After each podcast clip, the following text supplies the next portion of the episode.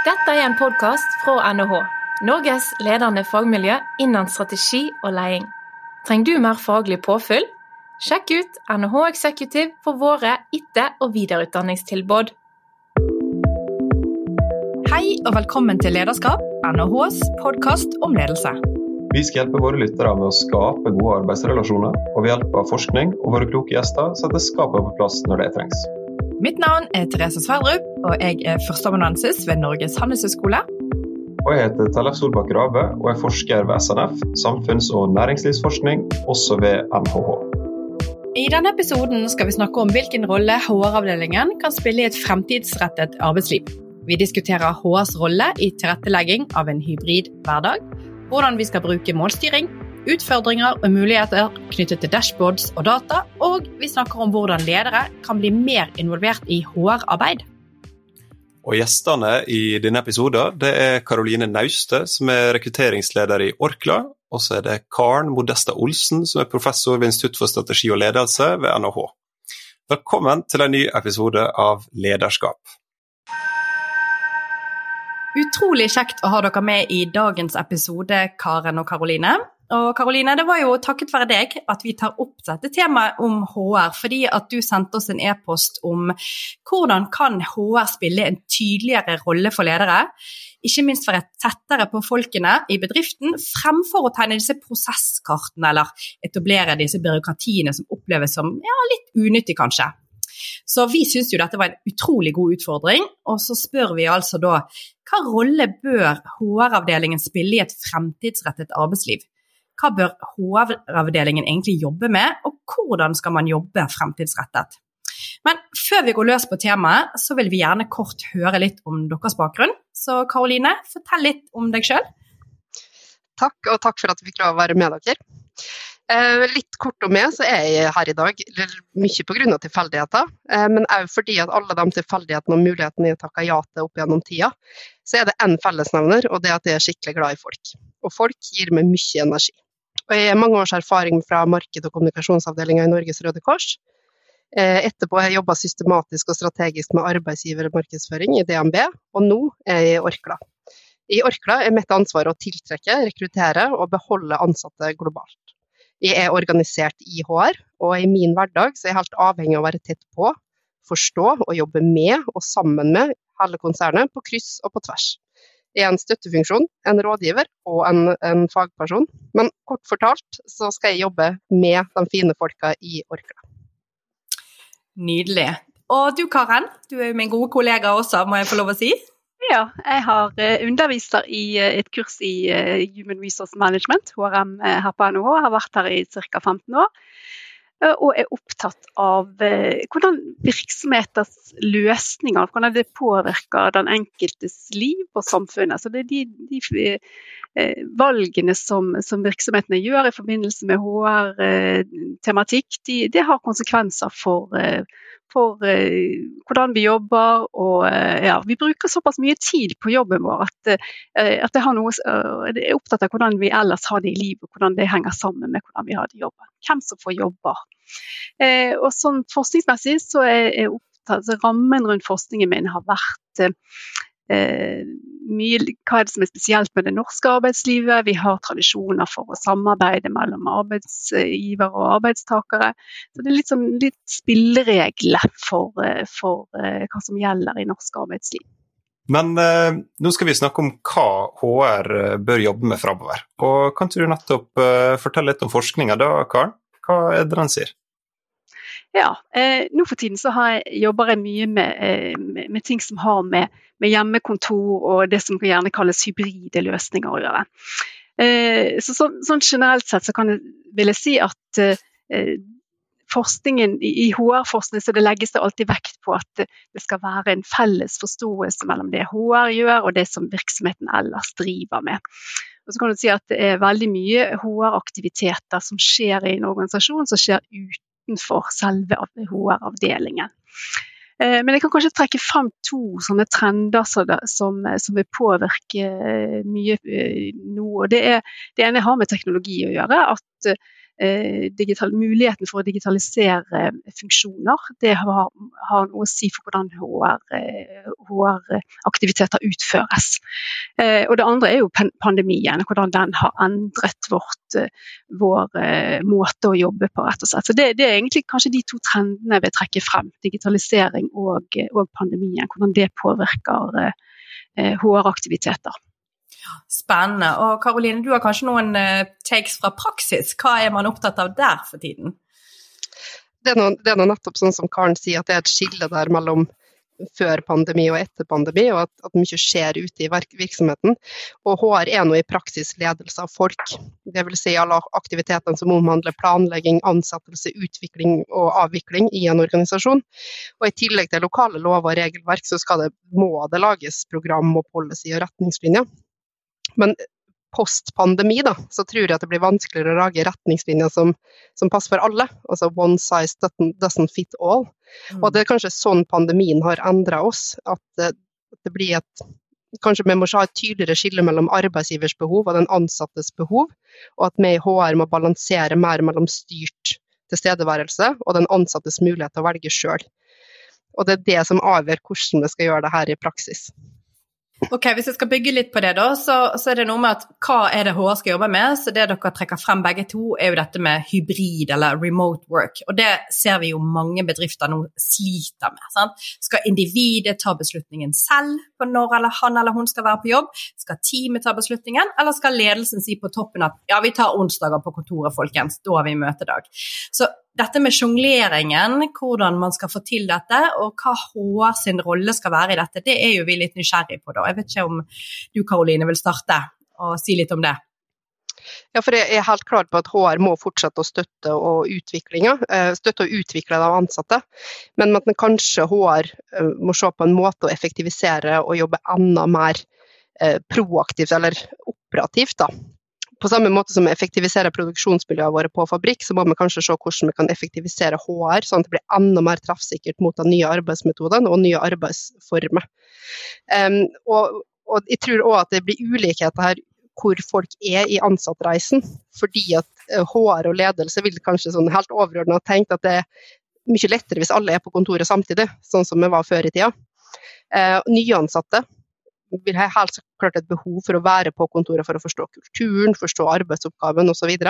Mens de mer erfarne eh, kan se på en større fleksibilitet og kanskje har mer behov for ro og, og jobbe med faget sitt, og ikke har det samme behovet. Og det her, Jeg tror at det blir vanskelig å lage noe som er felles for alle, men at det blir enda vanskeligere å være leder fremover. Og jeg tror det blir vanskeligere uh, å være HR, fordi at vi må tilpasse og tilrettelegge individuelt. Nettopp. Ja, for Vi har jo nå undersøkelser som viser at uh, gjennom pandemien så har ansatte fått lavere lojalitet. Så uh, det er mange som ser seg om etter ny jobb. Hva rolle kan HR spille her for å forhindre uønska turnover? Det er noe, det virkelig store spørsmålet. Men jeg tror eh, selskap eller bedrifter som jobber systematisk har gått med, med, kultur og verdigrunnlaget for å bygge den tilhørigheten til sine ansatte, vil vinne i den kampen med å beholde sine ansatte. Og Jeg tror at mennesker må møte mennesker for å utvikle seg. sånn at jeg tror at, at HR må være tett på lederen og supportere dem og gi eh, ledere god administrativ støtte eh, og gode veiledere. Være en coach til lederne, sånn at det blir lettere for lederen å tilpasse individuelt for hver enkelt medarbeider. Mm. Karen, har du noen innspill her fra forskningen, hva dere har sett her med, med betydningen av ledelse, HR og ta styring osv.?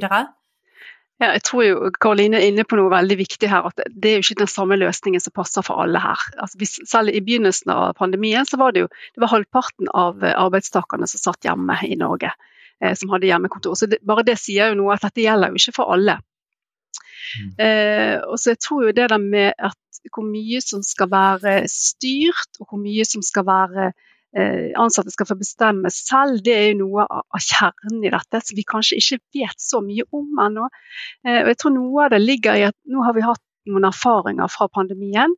Eh, og det å ha et hjemmekontor, de fleste vil oppfatte det som et gode. Så forventningene også til å, ha den fleksibiliteten er kanskje blitt litt annerledes enn den var for to år siden. Så, det og samtidig så er det, det er ulike behov, avhengig av om du er sant, Det ble nevnt eh, de unge som kanskje har mindre lojalitet. og Det tror jeg de som begynte å jobbe for to år siden, som nesten ikke har vært på eh, fysisk hos eh, arbeidsgiver. Eh, det er ikke så rart at vi ser at lojaliteten eh, til, til, arbeidsgiver ikke er, er, er på topp der, for å si det sånn. Men det er jo igjen store forskjeller på hvordan det er å være på hjemmekontor også. Eh, du beskriver det som et gode, men for noen som bor i en liten leilighet eh, og kanskje uten ordentlig kontorpult, så kan det være veldig vanskelig. Så Karoline, sånn i, i, praksis, da, hvordan kan HR-avdelinga følge med på at folk faktisk har det bra? Holder de med en årlig medarbeiderundersøkelse? Og, ja, det, og det, å beholde sine ansatte, det er noe ekstremt viktig i, fremover òg. Og det det at lojaliteten går ned, det er noe helt tydelig nå gjennom pandemien. Men for at HR eller lederne skal være tettere på, så tror jeg at man jobber systematisk med, med kultur, verdier. Og jeg tror det er et større potensial å beholde ansatte for de som jobber systematisk med nettopp det. Da. Så selv om vi er, er langt unna hverandre med hjemmekontor, så må vi dra fram det som er unikt mellom oss mennesker, og det at vi må bli sett, vi må bli anerkjent for jobben vi gjør. Eh, og at det blir mer krevende å være leder framover enn det har vært tidligere. Jeg kan godt spinne litt videre. Jeg tror, jo det er noen HR-avdeling som sikkert driver og utformer noen avtaler om, om, hjemmekontor med ansatte. For det er jo sånn at arbeidsgiver også har et ansvar for, for, eh, for eh, arbeidsmiljøet også hjemme. Ja, det er en utfordring. Ja, så, så, så, dette med at, sant, at, du skal ha et, kanskje et eget sted å, å, å, jobbe fra når du er hjemme. Eh, og når jeg tenker, snakker om det som et, som et gode, så er det eh, de fleste som, som blir spurt hvor, hvor, hvor, mange dager ønsker du å jobbe på hjemmekontor, så svarer de kanskje to dager. Det, det er vanlig. Så det, det, er jo de færreste som ønsker å være fem dager i løpet av en uke på, på et hjemmekontor. Eh, så, så et gode, det, det, jeg, tror ikke det har vært et gode for veldig mange under pandemi. Men, det, men jeg tror det anses ofte som et gode nå eh, i den tiden vi, vi går inn i nå. Eh, men det er jo nettopp det å få, eh, få de, de, tingene som har med sant, uformell kommunikasjon, koordinering osv. Det, det er en utfordring når det blir mer digitalt, eh, digital jobbing. Så, så, med remote working, sant? det er mange valg som skal tas. Eh, det skal tilpasses eh, teamet, individet osv. Men det er kanskje noen andre elementer i tilpasning her som, som er viktig at HR tenker på, Karoline. Hva kan det være? Eh, jeg tror det er mange bra ting med tilpasning med remote working. At vi kan få mer fleksibilitet, og at medarbeiderne kan blomstre på ulike nivå. Men min store bekymring er eh, direkte retta mot likestilling, mangfold og inkludering. Eh, for jeg tror kanskje at det kan være vanskeligere å ha et åpent sinn når vi går inn i et mønster på hjemmekontoret for vi snakker ofte med de samme menneskene, det blir vanskelig å bli kjent med nye. Og alle møter har en agenda og er rett på sak. Jeg tror at oss mennesker blir formet av, av, det som er rundt oss, og det er det jeg er bekymra for med remote working. Mm. Karen, har du noen refleksjoner rundt det? Ja, det er, jeg synes også det, med, det, er et viktig tema, dette med, med likestilling. Altså, vi vet jo det at eh, kvinner typisk gjør altså Sånne tidsstudier viser at kvinner gjør mer eh, arbeid med hensyn til barn og, eh, og, og arbeide hjemme. Eh, en, vi ser en ulik lønnsutvikling for kvinner og menn etter de får barn. Og særlig i yrker som, eh, som har med, som der det har bakgrunn som i økonomi eller typisk sånn administrative yrker, juss. og som er typisk også yrker der hjemmekontor vil være relevant. Så det er noen Eh, elementer i det med likestilling som vil bli veldig viktig i, i framtiden eh, med hjemmearbeid. Altså, som er, er eller med hjemmekontor. Ja, og bare en refleksjon rundt det i min egen lesning av, litteraturen så langt på det. Jeg er jo nettopp bekrefta litt det du sier, Karen, men også denne her synligheten i det du skal ha en forfremmelse. De som ja. er mer på kontoret, blir mer forfremmet. Hvis kvinner da velger å være hjemme for det er mer praktisk å følge barna i barnehagen, så blir de ikke sett, og de får ikke forfremmelse, og så er vi faktisk på en nedadgående kurve. Dessverre. Eh, det, var, det er helt riktig. Det var det tredje momentet jeg hadde med. Så mm. det var bra du sa. Bare det at vi kan sitte her nå og spille inn denne podkasten er jo utrolig spennende. sant? Altså Via en webløsning. Men, eh, men, teamarbeid og samarbeid det kan jo bli utfordrende. Så Karoline, har du noen tanker rundt hvordan HR kan tilrettelegge for uh, teamarbeid? Hva er det HR-avdelingen kan uh, bidra med? Det er et veldig, veldig godt spørsmål. Og jeg, jeg, tror det at, at veldig mange kan òg bli litt skjermtrøtte med, med å jobbe mye hjemmefra og at konsentrasjonen og effektiviteten faktisk kan falle. Eh, der jeg håper kanskje Karen kan komme med en kommentar etterpå om det stemmer, det er bare noe jeg tror. Men for å få til et godt teamarbeid, så tror jeg at vi i HR må rett og slett også det som jeg innleda litt med, at vi må balansere mer mellom det som er styrt tilstedeværelse og det som er arbeidsgivers ønske om å være til stede. Sånn at Det er den balansen som vi må finne. og Hvis vi skal bygge team, så er vi avhengig av å, å ha et psykologisk trygghet. At vi er trygge på hverandre for å kunne utfordre, for å tørre å si imot osv. Så, videre. så jeg tror det at vi må jeg tror nok det at mennesker fortsatt må møte mennesker for å utvikle seg, rett og slett. Mm. Du snakka jo eh, tidligere om eh, at det er viktig at ledelsen er tett på. sant? Eh, og jeg har jo kanskje sett litt på HR-avdelingen som noen som nettopp undersøker hvordan folk har det, og som tilrettelegger og ordner. Men i et mer framtidsretta HR-arbeid, ser du da for deg at HR-avdelinga nesten er litt sånn proxy, som instruerer ledelsen om hvordan de skal støtte og veilede?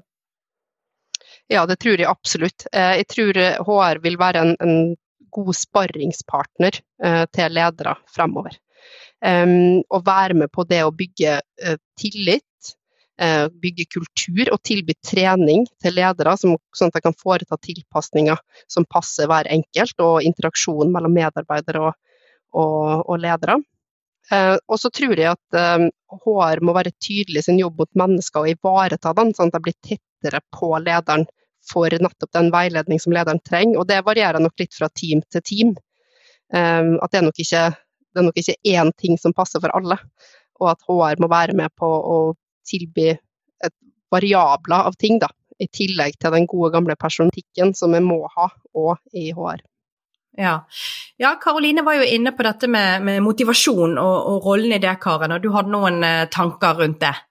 Ja, eh, Spørsmålet er jo hvordan har motivasjonen utviklet seg sånn i, i løpet av pandemien. Og det, eh, det er nok ikke gjort så veldig mye forskningsarbeid, men vi har noen eksempler fra enkelte eh, virksomheter som har fulgt, uh, fulgt, ansatte over tid. Og Det vi så var, uh, har sett der, er at det er en, et veldig oppsving i begynnelsen. Den dugnadsånden, det så vi tydelig på, på motivasjonen. og så falt det etter hvert, og særlig blant de unge så falt det etter hvert som, som pandemien forløp. Eh, og det kan man tenke seg, de, de, var, de er relativt nyansatte, trenger, eh, har mer behov for sosial eh, kontakt. Eh, også kanskje har jobben som, eh, som en, mer en sosial arena, også for å treffe andre. Enn en de som er eldre og de som har eh, mange barn som de skulle håndtere på hjemmekontoret. Mm. Og det, jeg får jo lyst til å ta opp et tema til her som vi har snakket om. Hva, hva skal HR jobbe med? Vi har vært inne på mye nå knyttet til det med remote og, og pandemihåndtering osv. Men et tema vi òg har tatt opp i podkasten her, handler om denne med mental helse. Altså det psykososiale det at vi får nå mennesker som om de blir utbrent, om de blir usikre, nesten folkesky for de har sittet mye hjemme. Altså, Hvordan tenker man rundt dette? Og Karoline, du var jo òg inne på dette med en medarbeiderundersøkelse en gang i året gir oss ikke rom nok til å følge med på disse tingene. Har du noen tanker rundt dette med hva er den mentale helsen og, rollen HR kan spille fremover i, i, helt spesifikt på det? Ja, jeg tror i hvert fall at man må ha noen flere pulser, eh, som jeg ville kalt det da, eller undersøkelser ja. gjennom året. Og kanskje til og med de undersøkelsene må tilpasses per team. Men det aller, aller viktigste er faktisk å gjøre sånne undersøkelser, sånn at en tar pulsen på organisasjonen, hva er det som beveger seg, og at en har den tilliten at folk faktisk svarer ærlig. Og så er det det viktige å agere ut ifra resultater, selvsagt. Mm. Sånn at hvis folk har gitt en ærlig tilbakemelding, så må arbeidsgiver viser den respekten og faktisk gjør noe med eh, svarene for å utbedre det. Mm.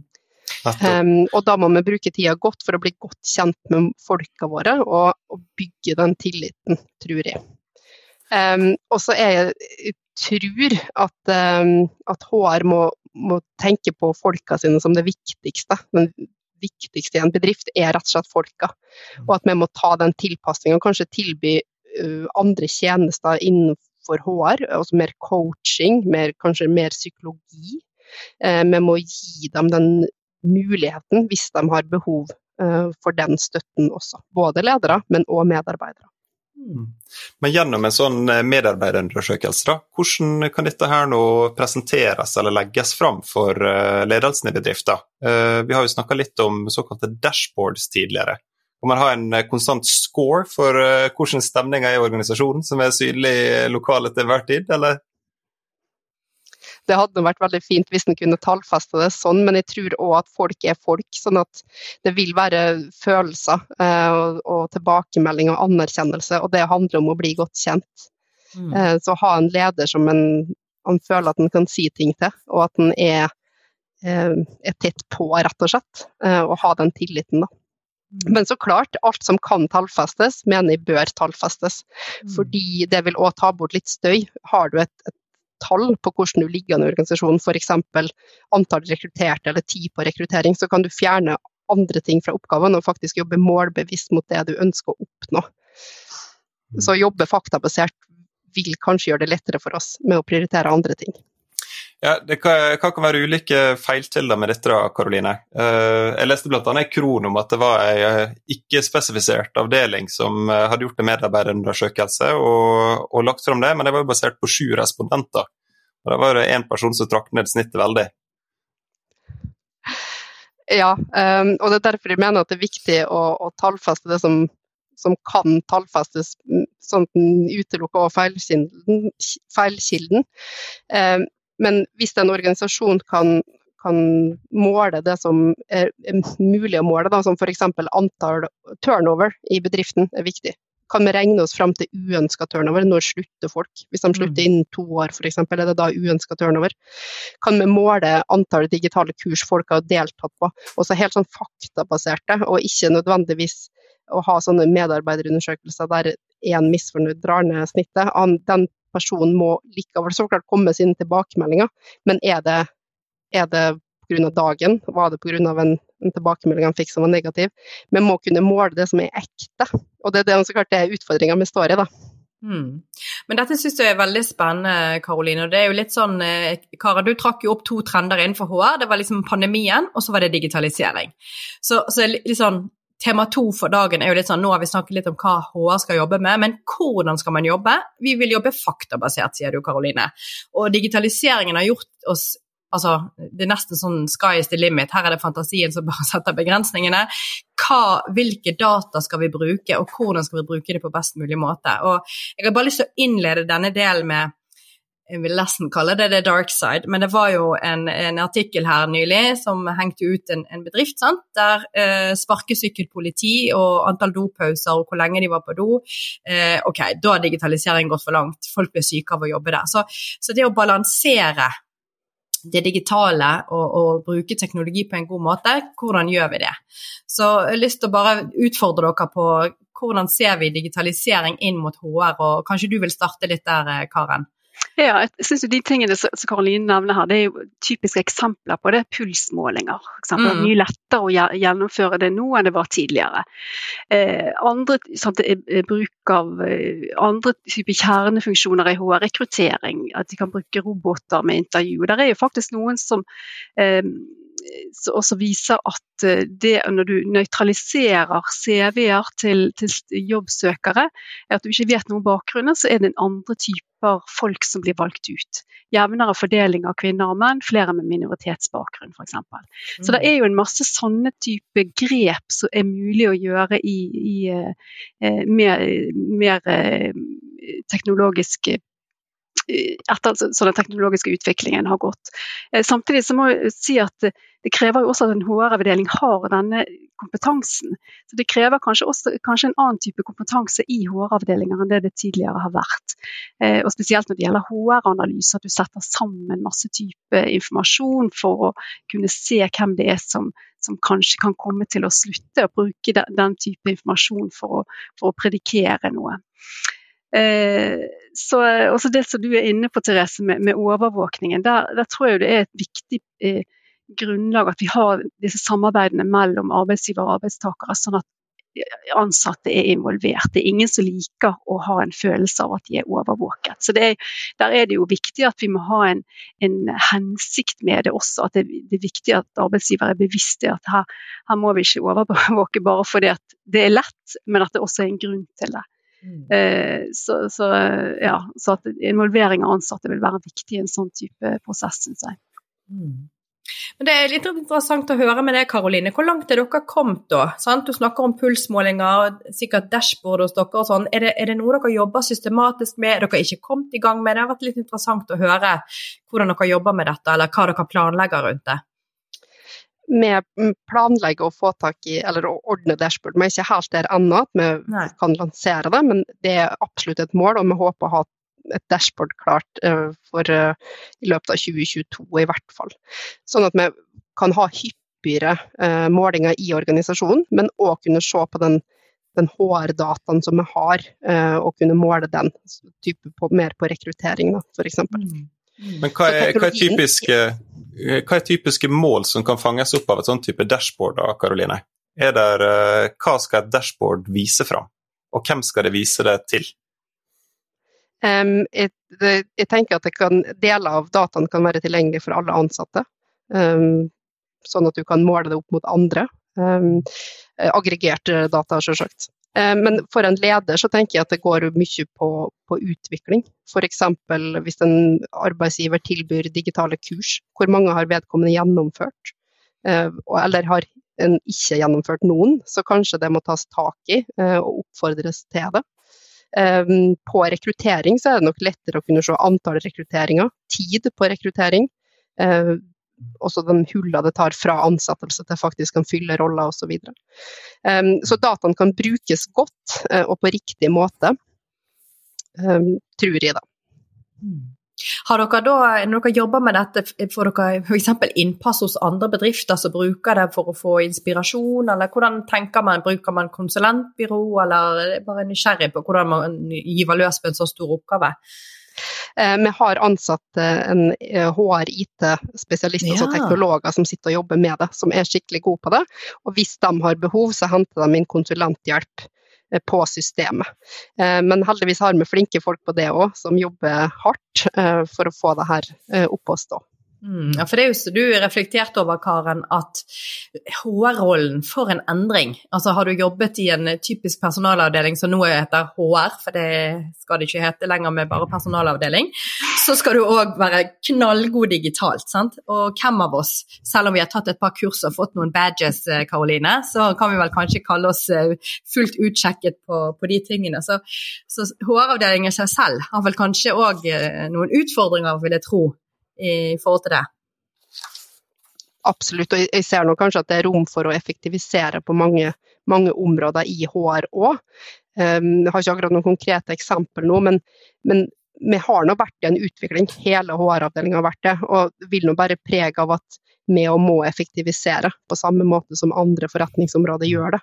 På å se hvor vi kan spare tid, uh, hvor kan vi spare eh, folk, eh, og kanskje bruke roboter eller teknologien til sin fordel. Da. Mm. Og jeg tenker òg mot eh, likestilling og inkludering. og kanskje da spesielt på rekruttering. På hvilken måte kan vi gjøre det her mer rettferdig og likt? eller ved forfremmelser i, internt. hvordan skal vi løfte opp den riktige kandidaten med den riktige faglige bakgrunnen eller evnen, fremfor å bare ta den som mm. som har lengst ansiennitet. da. Mm. Nettopp. Men eh, når vi nå snakker om, eh, om, dashboards og sånt, så altså den bransjen jeg kjenner best, det er jo mediebransjen. Og, og, der i alle redaksjoner så er det jo skjermer som viser salg og churn, altså hvor mange som sier opp abonnementet sitt, og klikk osv. Og, så og dette er godt synlig. Men i HR-sammenheng, eh, vet du om det er noe forskning på bruk av dashboards, Karen? Det kan jeg ikke si sikkert om det er. Men det er, det er veldig mye forskning som, som, eller det er veldig mye eksempler på at HR-avdelinger begynner å ta i bruk digitale løsninger. Der er Foreløpig så ikke det så mye forskning som, som viser hva som virker. Eller, ja. Men er, jeg har inntrykk av at det er veldig mye som, som skjer på, eh, på ulike fronter. Altså det å bruke blogger for å fange opp Eh, ting som skjer i en, en organisasjon. Dette må, sant, det må være organisasjoner av en viss størrelse. Eh, så, så, um, så det, det, er mye som, som skjer, og så er det, det er ikke fullt så mye sånn høykvalitetsforskning som viser hva som virker ennå. Eh, men der er det, det, jeg, jeg, tror at det er veldig mye omveltning som skjer i HR-avdelinger eh, rundt omkring i, i landet. Altså. Og så får jeg jo litt sånn De kan jo ikke gjøre alt, så jeg ville kanskje ikke være så redd for å, å, eh, at, at, en del HR-aktiviteter eh, skjer ute i, i eh, virksomhetens avdelinger ellers. At det er veldig mye virksomheter som jobber i team eller i prosjekter, så vil jo mye av oppfølging og mye eh, behov for kompetanse og behov for hvem som skal rekrutteres, vil jo ofte eh, de som er tettest på eh, driften kanskje mm. vite vel så mye om. Så den, den, den felles forståelsen der er jo veldig viktig. Men eh, du har jobba med måling og målstyring, eh, Karen. Eh, er det eventuelt fallgruve ved bruk av sånne typer verktøy? En fallgruve er jo at du, ikke, at du måler ting som du egentlig ikke vet hva du skal bruke til. Altså det, at det er HR-avdelingen sitter med, med, mye informasjon som de Eh, som de ikke egentlig helt har kompetanse til å håndtere. og Det har vært, det har vært en av de der utfordringene i, i, for de som har, har satt, liksom, oppsummert forskningen rundt det. At det er en utfordring at, at uh, personene ikke har nok kompetanse til å kunne håndtere informasjonen. Så det er, en, det er i hvert fall én type utfordring. Mm. Og Karoline, Det speiler vel litt det du snakket om, det med en ting å ha målinger, men det å være faktabasert. Altså at vi tar en runde på hva er det vi faktisk trenger data på, og så uh, måle det som, som man trenger uh, oppi dette. Jeg tenker at det, det, er ekstremt viktig, og han skal ikke måle for å måle. Men, men å måle det en kan måle, og spesielt det her med lojalitet til arbeidsgiver tenker jeg er en fin indikator som en kan måle på. Hvor mange år blir an, nyansatte i bedriften f.eks. Mm. Da kan en få tak i det tallet, og så ut ifra det sette inn tiltak som er hensiktsmessige for å beholde vedkommende. Eller kanskje til og med spørre dem ved exit uh, hvorfor uh, slutta du, og så kan vi se om vi kan gjøre tiltak på det. Da. Så, så vi må være konkrete i det som skal måles. Mm. Mm. Altså jeg synes jo det, det, trekkes opp noen resonnementer her som jeg har lyst til å bare eh, sjekke litt. For det, så du sier, Karen, så er det noe med at HR-avdelingen kan ikke være ekspert på alt heller. Eh, og du Karoline sier at vi må være tettere på, altså HR. Men så sier jo dere begge to at ja, ved å være tettere på, så handler det jo om at vi skal delegere egentlig ut til teamene, til lederne, og være de som gjør, som du sa Karen, HR-aktivitetene. Så, så, ja, jeg fikk så lyst Skal vi, skal vi gjøre HR-avdelingen på en ny måte? Er det det vi egentlig Skal vi revolusjonere? Hva, hva er det dette handler om? Det er et utrolig godt spørsmål du stiller der. og det, jeg, jeg, tror at, at uh, HR må være en støtte og en utvikling. Uh, I tillegg til at vi må ta vare på retningslinjene og lage de policyene som må, for det, det, må være en viss styring og en ledelse der. Men jeg tror at det blir vanskelig å være leder fremover. Um, det er flere utfordringer der, og der tror jeg HR må utvikle seg. Og kanskje mm. være det, det jeg mener med tettere på. Da kan vi tilby mm. coaching, kan vi tilby uh, bruke mer spill eller tilrettelegging, og vi bygger verdier på en annen måte. Og Det gjenstår nok å finne svaret på hvilken støtte lederne faktisk trenger fra HR fremover. Og Det er mm. det som er fascinerende med Karen sin forskning, at vi forhåpentligvis kan komme litt, litt nærmere på svaret, for at oss som jobber operativt med HR, eh, kan få litt hjelp i hvordan vi skal utvikle oss. Mm. For det var vel noen som snakket om eh, skulle HR splittes opp? Altså skal vi ha en personal versus en altså lønn versus utvikling. Karen, var det du som nevnte noe? Ja, altså Det kom en, en artikkel i, som sto i Harvard Business Review for, for noen år siden. Uh, It's time to split HR. Ja. Det, det, gikk nettopp på det at du skulle, HR burde deles opp. Den administrative, sånn lønn og, og de juridiske tingene eh, skulle deles i, utgjøre én del. Og så var det det med utviklingen av organisasjonen og, og, det som har mer med det menneskelige og ledelse av mennesker, det, det burde være en, en, en annen avdeling. Eh, og Begrunnelsen for det var nettopp at du, vil, den utviklingen av mennesker den, vil, den må være tettere på Eh, driften og det som, som virksomheten eh, driver med. Eh, nå er det, Jeg tror fremdeles at det foregår mye i, samme, eh, samme, avdeling, men vi ser at avdelingene, de HR-avdelinger heter noe annet. Altså, mm. Før het de personalavdeling, eh, og så heter alle HR-avdeling. Eh, og nå heter de gjerne People and Organization eller People and Purpose. Så det skjer jo en utvikling i hvordan man ser på, på den aktiviteten i virksomheten. Mm. Men eh, merker du noe forskjell på dette, Karoline? Du har jo eh, jobba i ulike virksomheter. Eh, har det noe å si hva man kaller HR? Eh, er det bare nye buzzwords, eller eh, merker du et nytt fokus? Jeg merker helt klart et nytt fokus. Jeg syns at det er en, en endring, og spesielt det som går på utvikling. At veldig mange steder der jeg har jobba, i hvert fall hatt stort fokus på learning and development. Um, internlæring eh, og kompetanseheving blant sine ansatte. Eh, sånn at det er nok en stor vridning fra det gode, gamle personalkontoret til å bli people and development, som Karen snakker om. Og at, vi ønsker på en måte å tilby noe ekstra for at folk faktisk skal være der. Mm. Jeg tenker vi skal begynne å gå inn for landing. Eh, utrolig mye spennende temaer som har kommet opp. Og vi har berørt eh, veldig mye knyttet til pandemien, som eh, selvfølgelig Vi kan ikke sitte her og gi de helt konkrete tipsene og rådene for hvordan det blir. For eh, her må man være litt nysgjerrig og, og jobbe fremover og, og, teste ut litt, selvfølgelig. Men sånn til slutt, eh, hvis jeg kan spørre dere om dere har tre tips hver til hvordan man skal få mer ut av HR-avdelingen, hva vil dere si da? Hvis jeg kan begynne med deg, Karoline. Oi, det er et, det er et stort et. Uh, det er det. um, um, tre tips. Så tenker jeg at uh, eh, HR vil absolutt ha en fordel av å tallfeste det som er litt fluffy. Eller tallfeste det, tallfeste det som kan tallfestes. Um, og så tror jeg at at det må være en del regler og policyer til stede, men kanskje prøve å gjøre dem enda litt mer romslige. For jeg tror at for mye regler ikke er bra for eh, innovasjon og kreativiteten, i hvert fall på remote working. Så kanskje gi litt slipp, uh, mm. og at uh, ansatte skal få vokse.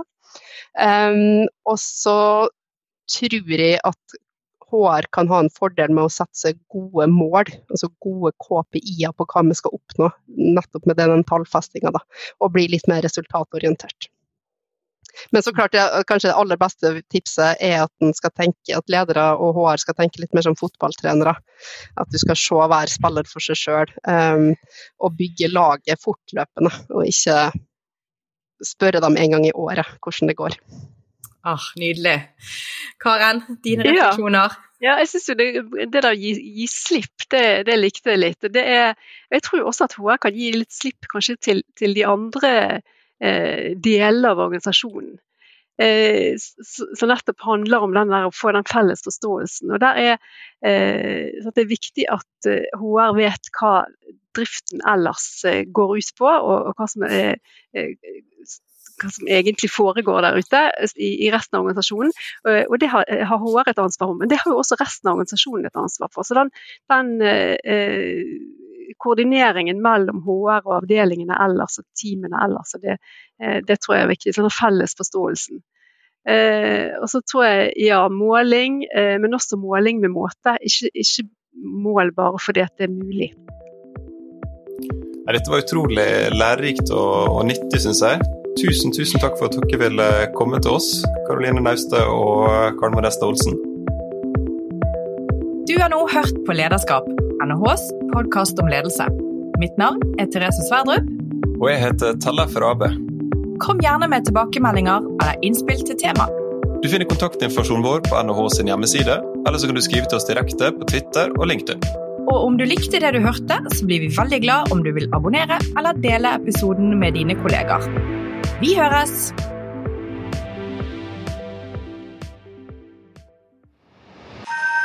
Dette er en podkast fra NHH. Norges ledende fagmiljø innen strategi og leding. Trenger du mer faglig påfyll? Sjekk ut NHH Executive for våre etter- og videreutdanningstilbud.